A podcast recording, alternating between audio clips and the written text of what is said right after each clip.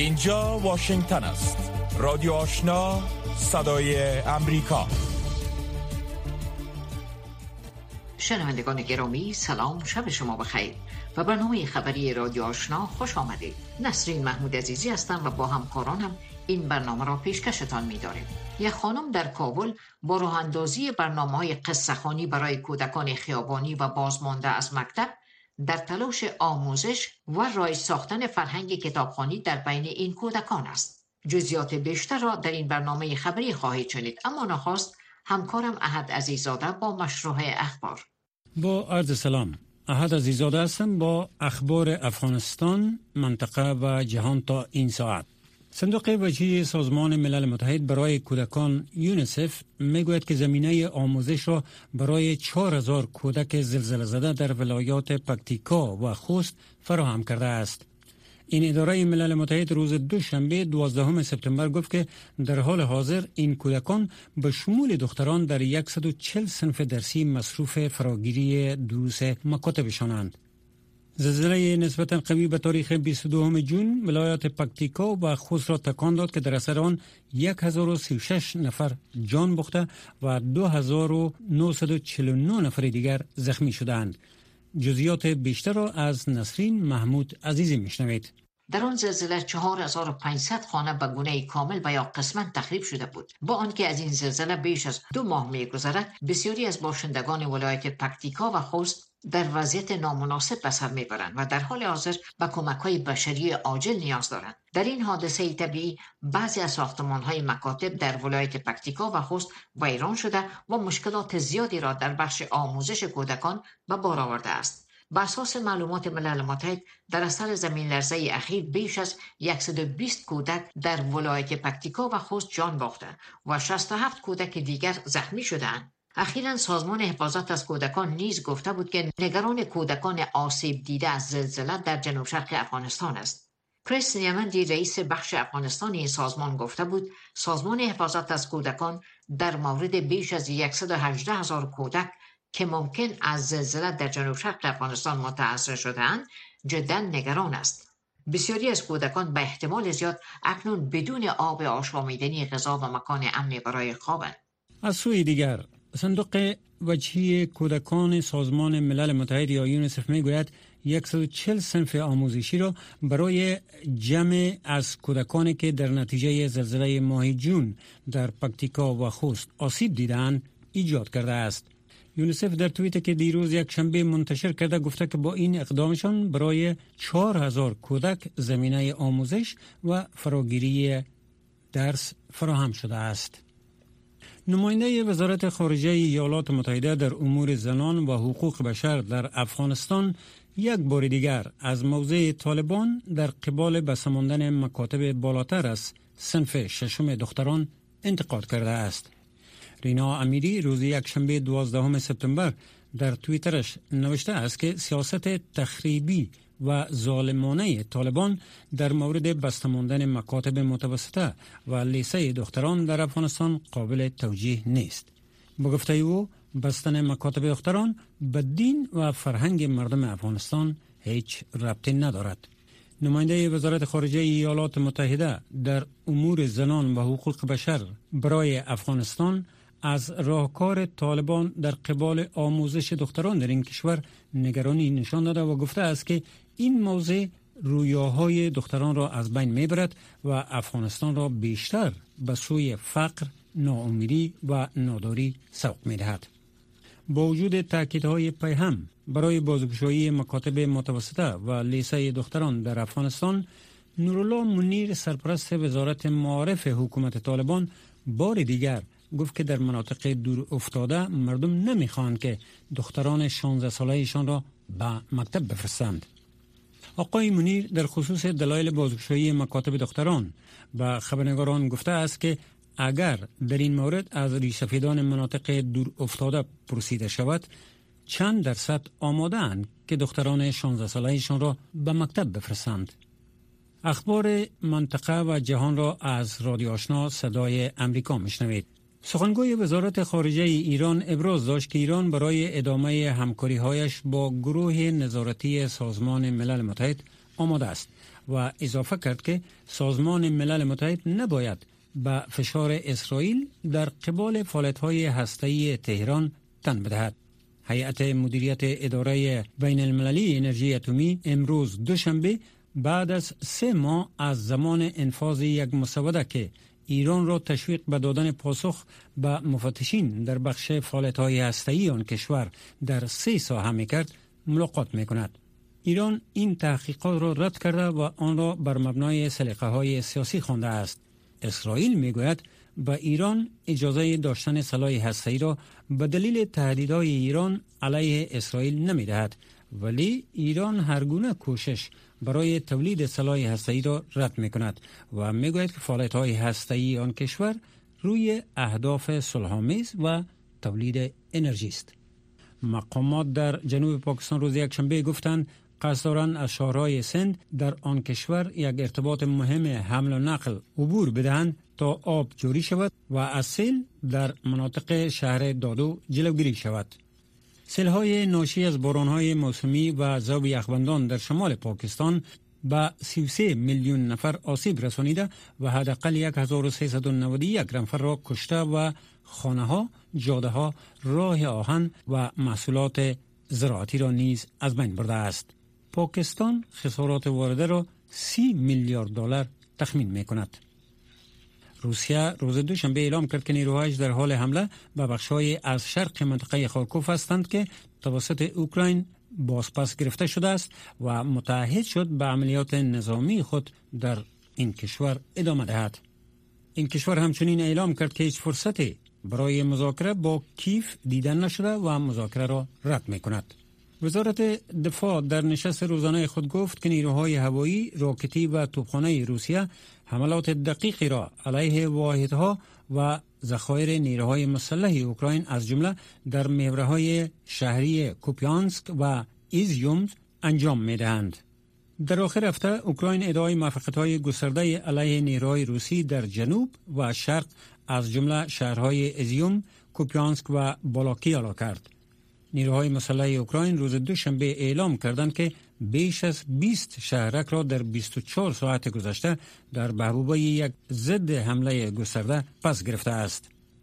پس از آن که نیروهای اوکراینی در یک حمله متقابل در شرق این کشور اراضی قابل توجهی را پس گرفتند، کرملین روز دوشنبه اعلام کرد که عملیات نظامی روسیه در اوکراین ادامه خواهد یافت. دمیتری پسکوف سخنگوی کرملین به خبرنگاران گفت عملیات ویژه نظامی ادامه دارد و تا زمانی که اهدافی که در ابتدا تعیین شده بود تحقیق نیابد ادامه خواهد داشت و افزود که چشم اندازی برای مذاکره بین مسکو و کیف نمی بیند.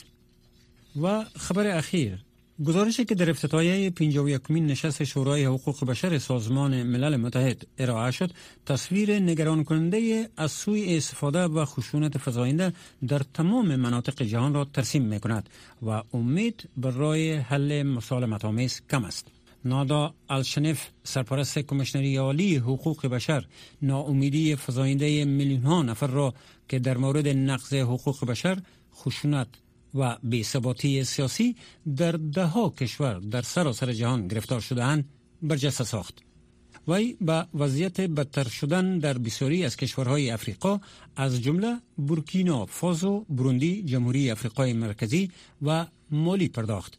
و اضافه نمود که پس از از سرگیری خصومت ها در شمال ایتوپیا دیروز مقامات تیگری مبنی بر آمادگی آنها برای پایبندی به توقف فوری خصومت ها و مشارکت در یک روند صلح قوی تحت نظارت اتحادیه افریقا دلگرم شده است. با این حال او تنها اشاره گذرا به حبس بیش از یک میلیون اویغور و سایر اقلیت های مسلمان در مراکز به اصلاح حرفه‌ای در چین کرد. این علیرغم تقاضای فزاینده فعالان حقوق بشر برای بحث ویژه در مورد این موضوع در شورا است. وی گفت در 31 اگست دفتر وی ارزیابیش را از نگرانی های حقوق بشر در منطقه خودمختار سینکیانگ در مورد اویغورهای چین همراه با توصیه های به دولت ها ارائه کرده است. پایان اخبار افغانستان منطقه و جهان تا این ساعت از رادیو آشنا صدای امریکا رادیو آشنا صدای امریکا منبع موثق خبرها و گزارش های جهان و افغانستان شنوندگان عزیز اخبار افغانستان منطقه و جهان را از رادیو آشنا شنیدید آن هم توجه نمایید به گزارش های این بخش یک بانوی شاعر در کابل با راه اندازی برنامه های قصه برای کودکان خیابانی و بازمانده از مکتب در تلاش آموزش و نهادینه کردن فرهنگ کتابخانی در بین این کودکان است. در این حال شماری از کودکان که از این برنامه مستفید شدهاند می‌گویند در مورد خیر موضوعات معلومات حاصل کردهاند. جزیات بیشتر در این گزارش در کلان گفت دخترکان خوب من می‌دانید که آزار دادن پشت سرگاو صدای کودک نه ساله است که یکی از کتاب های برنامه قصه های شیرین مادر کلان را برای سایر کودکان می‌خواند. قصه های شیرین مادر کلان یکی از برنامه است که به ابتکار چند تن از زنان افغان راه اندازی شده است. عادل آزین یکی از مسئولان این برنامه به صدای امریکا گفت که به منظور تقویت ادبیات کودک در افغانستان که به شدت نادیده گرفته شده است از دو سال به این طرف این اقدام را روی دست گرفتند خانم آزین گفت که در نقاط مختلف شهر کابل کودکان خیابانی کودکان کار و بازمانده از مکتب را تحت پوشش برنامه هایشان قرار می دهند برنامه قصه خانی هم کودک داریم که می‌خوایم که از این متن استفاده شود. کودک با با این دوستانا بتونن که مطالب آموزشی را بیاموزن مطالب علمی را بتونن بسط خوبتر بیاموزن و همچنان می‌تونه کتاب ها برای آموختن بیشتر درس مکتبشون هم کمک بکنن به گفته خانم آزین در کنار کتابخانه کتاب های قصه و قرطاسه را نیز برای این کودکان رایگان توضیح می‌کنند تا آنان از این طریق به فرهنگ مطالعه و آموزش دلگرم و تشویق شوند. همچنان کورس های سواد آموزی از دیگر برنامه است در کنار کتابخانه برای کودکان بازمانده از مکتب راه اندازی می شود خانم آزین گفت که تمامی کتاب های قصه را خودشان می نویسند و از هزینه شخصی برای کودکان چاپ می کنند روح الله کودک 13 سال است که در یک دور برنامه قصه خانه اشتراک کرده است. او که سنف پنجم است نصف روز را در بازار کار می کند و گفته این کودک این برنامه برایش دلچسب و آموزنده است. این قصه خواندن می توانیم درس یاد بگیریم نوشته کردن ذهن ذهن آدم حافظه آدم پاک می‌کنه باید باید چیزای خوب یاد بگیریم بعد جرات پیدا کنیم. نصیر احمد کودک دیگر است که نصف روز را مکتب می رود و پس از آن در بازار دشت برچی کار می کند نصیر احمد که متعلم سنف ششم است گفت که از طریق قصه خواندن در بخش واکسین معلومات مفید حاصل کرده است. سه رسید برنامه شرکت کردن و درباره واکسین خیلی چیزا رو فهمیدم باید ما چی در واکسین چایم واکسین چی فایده داره؟ کدام مرض ها واکسین دارد؟ و خیلی خوشحال هستم در این برنامه شرکت کرده فعالان حقوق کودکان می‌گویند که در دو دهه گذشته برخی نهادها در بخش ادبیات کودکان فعالیت داشتند اما این فعالیت ها مقطعی بود و از همین رو سبب رشد ادبیات کودکان در افغانستان نشد. ظفر روی یک از این فعالان گفت که دولت گذشته در افغانستان نیز بخش عظیمی از جامعه را که کودکان تشکیل می‌دهند فراموش کرده بود. به گفته آقای روی کودکان افغانستان همواره با ادبیات جنگ و خشونت زندگی کردند و خانواده ها نیز در این زمینه به دلیل نداشتن آگاهی توجهی ندارند. آقای روی با اشاره به این که امیدی از حکومت طالبان برای رشد ادبیات کودکان نیست. افزود. نهادهای دیگه که در زمین حقوق کودکان فعالیت می‌کنه از اونها انتظار میره که حداقل در بخش ادبیات کودکان کار کنه یا حداقل کسایی که در بخش ادبیات به صورت کلی کار فعالیت می‌کنه. اینو همین یک بخش از کارهای خود را برای ادبیات کودکان اختصاص بده. کودکان که باید در دنیای کودکان باشند در وضعیت کنونی افغانستان از جمله قشر پذیر و محروم جامعه محسوب می شوند ملل متحد گزارش داده شمار کودکانی که در کشورهای جنگ زده و بحرانی به شمول افغانستان از رفتن به مکتب محروم شده یا دروزشان مختل شده است در 6 سال گذشته تقریبا سی برابر شده است. ملل متحد گفته است که شمار این کودکان اکنون در سراسر جهان به 222 میلیون می‌رسد. اینجا واشنگتن است. رادیو آشنا صدای امریکا. رینا امیری نماینده وزارت خارجه ایالات متحده در امور زنان و حقوق بشر در افغانستان یک بار دیگر از موضع طالبان در قبال بسته ماندن مکاتب بالاتر از صنوف ششم دختران انتقاد کرده و گفته است که سیاست تخریبی و ظالمانه طالبان در مورد بسته ماندن مکاتب متوسطه و لیسه دختران در افغانستان قابل توجیه نیست و به گفته وی بستن مکاتب دختران به دین و فرهنگ مردم افغانستان هیچ ربطی ندارد در این حال شماری از خانم ها در کابل در صدد آموزش و گسترش فرهنگ کتابخانی در بین کودکان خیابانی شدهاند آیا این اقدام خانم ها برای ریهایی از نیازمندی های کشور بسنده است؟ با پالیسی های طالبان آینده معارف افغانستان چگونه رقم خواهد خورد؟ در این مورد توجه شما را به مصاحبه با خانم حکیم حکیمی کارشناس حقوق زنان جلب می دارم. خانم حکیمی سرپرست وزارت معارف حکومت طالبا بار دیگه گفته که در مناطق دور افتاده مردم نمی‌خواهند که دخترای 16 سالشان به مکتب بفرستند آیا این نقطه پایانی معارف در افغانستان خواهد بود؟ مطمئنا که نقطه پایانی این نشان میده که مبارزات زنان نتیجه میده و باعث شده که طالبا واکنش نشان دادن به این موضوع. در ادامه تظاهراتی که دخترها در پکتیا داشتن در ولایت پکتیا به خاطر بازگشایی مدارس همین حقیقتی که دخترها در پکتیا خانواده های از اونا فامیله از اونا رفتن باز کردن و طالبا بسته کردن و دخترها به سرک گرفتن. برای بار اول در تاریخ خود از این موضوع نشان میده که چقدر نارس و باز شدن مکاتب بر مردم افغانستان اهمیت دارن. در گوش و نقاط یعنی فریبی که طالبا می‌خواین استفاده کنن ای که این موضوع دوباره مسئولیت بسته شدن مکاتب به سر مردم و فامیلای افغان مندازن برای که جامعه جهانی فریب بدن و بگن که ایمان نیستیم که مکاتب بسته این خواست خود مردم هست و حکومت ها بنابر احترامی که به خواست مردم نگذارن تصامیم حکومتی خود می‌گیرن. تنها رایی که فکر می‌کنم اینجا باقی مونده ای است که مردم در تمام افغانستان باید بیرون بریزن و اعتراض خود نشان بدن و ای که باز شدن مکاتب خواست مردم است. و شما حرکت خانما را یک تعداد از خانما را برای راه اندازی برنامه های قصه خانی به کودکان خیابانی و بازمانده از مکتب چقدر دی بخش مؤثر می‌دانیم این حرکت ها قبلا هم بود. قبل به دولت های قبلی هم بود که مکاتب باز بود ولی کودکان خیابانی فرصت رفتن به مکاتب نداشتن. به خاطر که مجبور بودن کار کنن و کودکان کارگر و کودکان سرسرک بودن. زنها و باقی نهادها این فعالیت کار داشتن.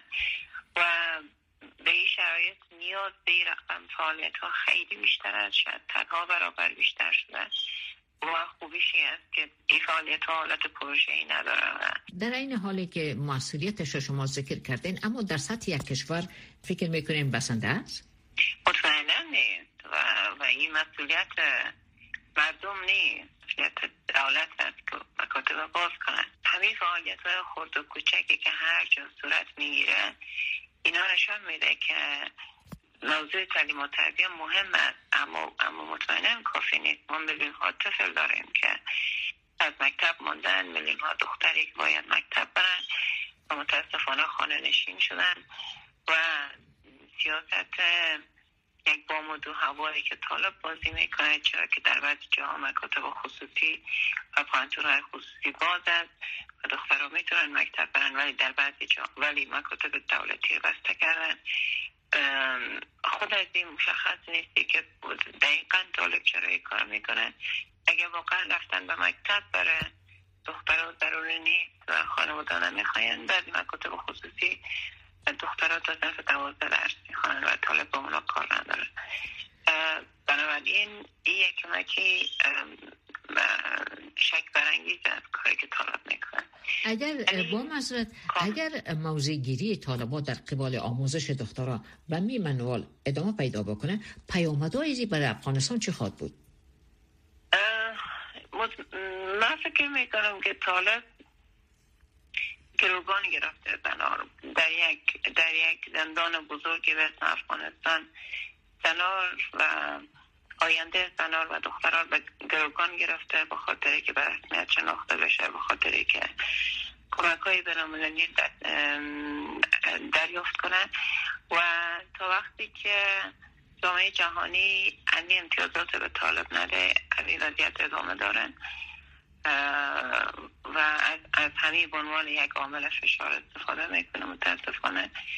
و از طرف دیگه یک نگران دیگه ای است که اگر مکاتب باز بشن و دخترها مکتب برن چنانچه کمی نگرانی در مقابل پسرها هم وجود داره و که با کاریکولمی که طالب می‌خواه مکاتب بده چقدر این مکاتب می‌تونن مفید باشن چرا که تعداد دروس دینی زیادتر کردن اینا و چیزی که نیاز دارن اطفال درس های تخصصی ساعت های, ساعت های درس های تخصصی کمتر شده.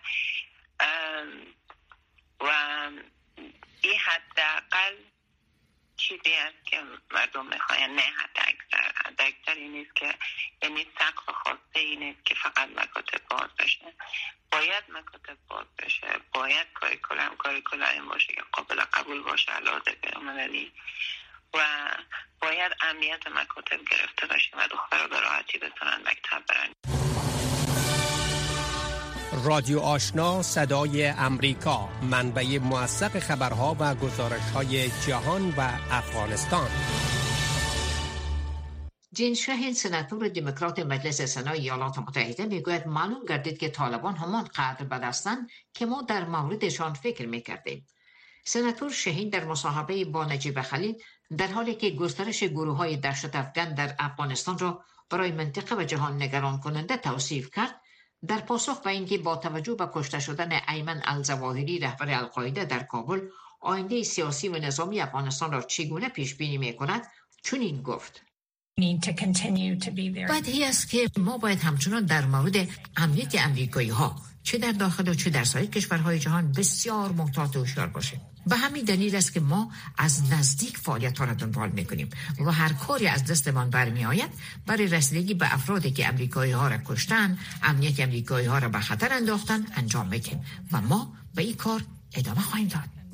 سناتور مطمئنا شنیدین که طالبا ایگا به کار می‌کنن اونا میگن که خانه خالی بود کسی دوجه نبود و ایالات متحده هیچ ثبوت برای کشته شدن رهبر القاعده در کابل نداره نظر شما چیست در این مورد؟ خب ما تعجب نمی کنیم که اونا این موضوع را انکار می‌کنن. اونا برای مدت طولانی ارتباط خود با القاعده انکار کردن. اونا گفتن که قرار است این رابط قطع کنن اما نکردن. واقعیت ای که الزواهری اجازه داشت به فعالیت و عملیات های خود ادامه بده اشاره به ای است که رهبران طالبان از فعالیت های او آگاهی داشتند. به نظر شما ایالات متحده چقدر پس از کشته شدن ایمن از زواهری رهبر القاعده در کابل مسئول و امن است؟ خب یکی از چیزهایی که ایالات متحده پیشنهاد کرده ای است که ما نمی‌تونیم از طرق مختلف بر ردیابی فعالیت های توریستی در کشور ادامه بدیم. مسلما کشته شدن او توریست ایمن الزواهری نشان میده که ما هنوز هم او ظرفیت داریم اگرچه دشوارتر است. زیرا ما در افغانستان حضور فیزیکی نداریم. اما واضح است که ما هنوز هم می‌تونیم فعالیت های توریستی را ردیابی کنیم. از زمان امضای توافقنامه بین اداره رئیس جمهور ترامپ و طالبان یکی از نگرانی ها ای است که طالبان رابط خود با القاعده و سایر گروه های تروریستی قطع نکرده است. آنچه ما دیدیم که یک تروریست بلند پایه می‌تونست در کابل بدون ردیابی تحرکاتش توسط طالبان فعالیت کنه نشان میده که ارزیابی دقیق است و اونا این روابط قطع نکردن آنها همچنان به حفظ روابط با القاعده و سایر گروه های تروریستی ادامه میدن به گونه ای که در دراز مدت برای کشور منطقه و به نظر من برای سایر کشورهای جهان زیان آور خواهد بود. سناتور با افزایش حملات تروریستی در افغانستان تا چی اندازه احتمال وقوع حملات شبیه به حملات 11 سپتامبر موجود است؟ خب متاسفانه یکی از چیزهایی که در حال حاضر اتفاق میفته همونطوری که می‌دانین ای است که حملات در افغانستان علیه مردم افغانستان است داعش در افغانستان حمله می‌کنه به نظر نمی‌رسه که طالبان به طور موثر قادر بر راه اندازی یک کمپاین نظامی علیه آن حملات داعش بودند. و ما فکر می‌کنیم که این کار ادامه میافرم بنابراین تلاش برای کاهش فعالیت های تروریستی به نفع همه است. زیرا این افراد بیگناه هستند که آسیب می‌بینند. آیا به نظر شما مافیت ممنوعیت سفر رهبران طالبان باید به خاطر ادامه تعامل با حکومت طالبان تمدید شود یا نه؟ نه خیر. فکر می‌کنم که مافیت ممنوعیت سفر نباید ادامه یابد. ممنوعیت سفر تا زمانی باید ادامه داشته باشد که رهبران طالبان قیودات و محدودیت ها را بر مردم خود اعمال می کنند آنها نباید اجازه سفر به سراسر جهان را داشته باشند. صدای امریکا در رسانه های اجتماعی حضور فعال دارد. هر روز اخبار و گزارش های جالب را از طریق فیسبوک، تویتر، تلگرام و اینستاگرام صدای امریکا دنبال کنید. نظریات شما روزانه در برنامه های مختلف و نشر می رسند. شنونده رادیو آشنا باشید. این هم آخرین گزارش این بخش.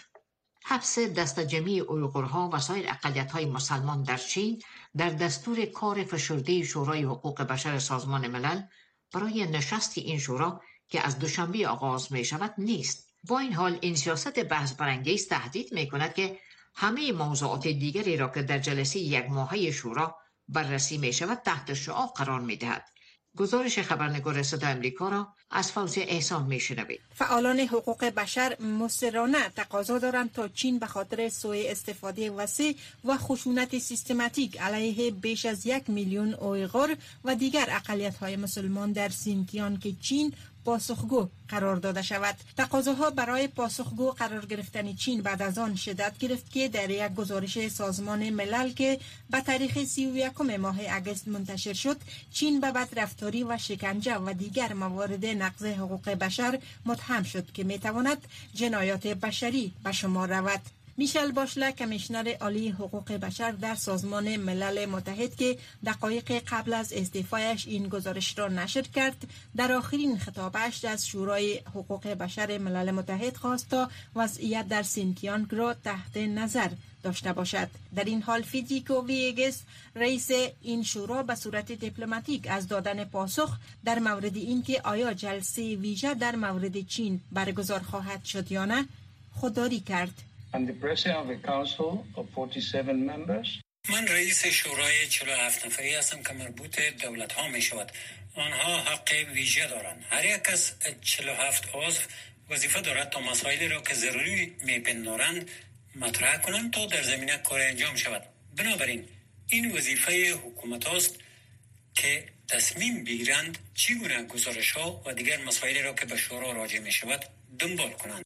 شینجو سفیر چین در سازمان ملل در ژنو گفت چین شدیداً مخالف استفاده از حقوق بشر به عنوان یک آله سیاسی در امور داخلی خود است. او گفت حدود 100 کشور از آنچه او عدالت چین می‌خواند حمایت کردند. او همچنان گفت کشورهای در حال انکشاف در اجلاس پیش روی شورای حقوق بشر سازمان ملل همه تلاش های غرب علیه چین را رد خواهند کرد. I should see any kind of anti-China actions.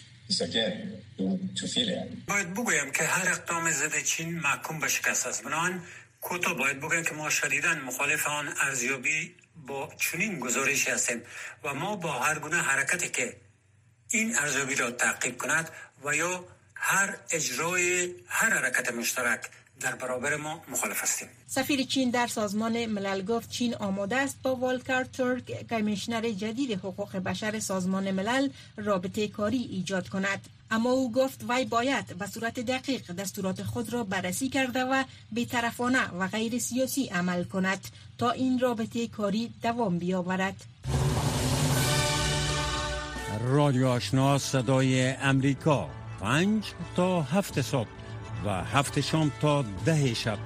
تازه ترین خبرها و گزارش ها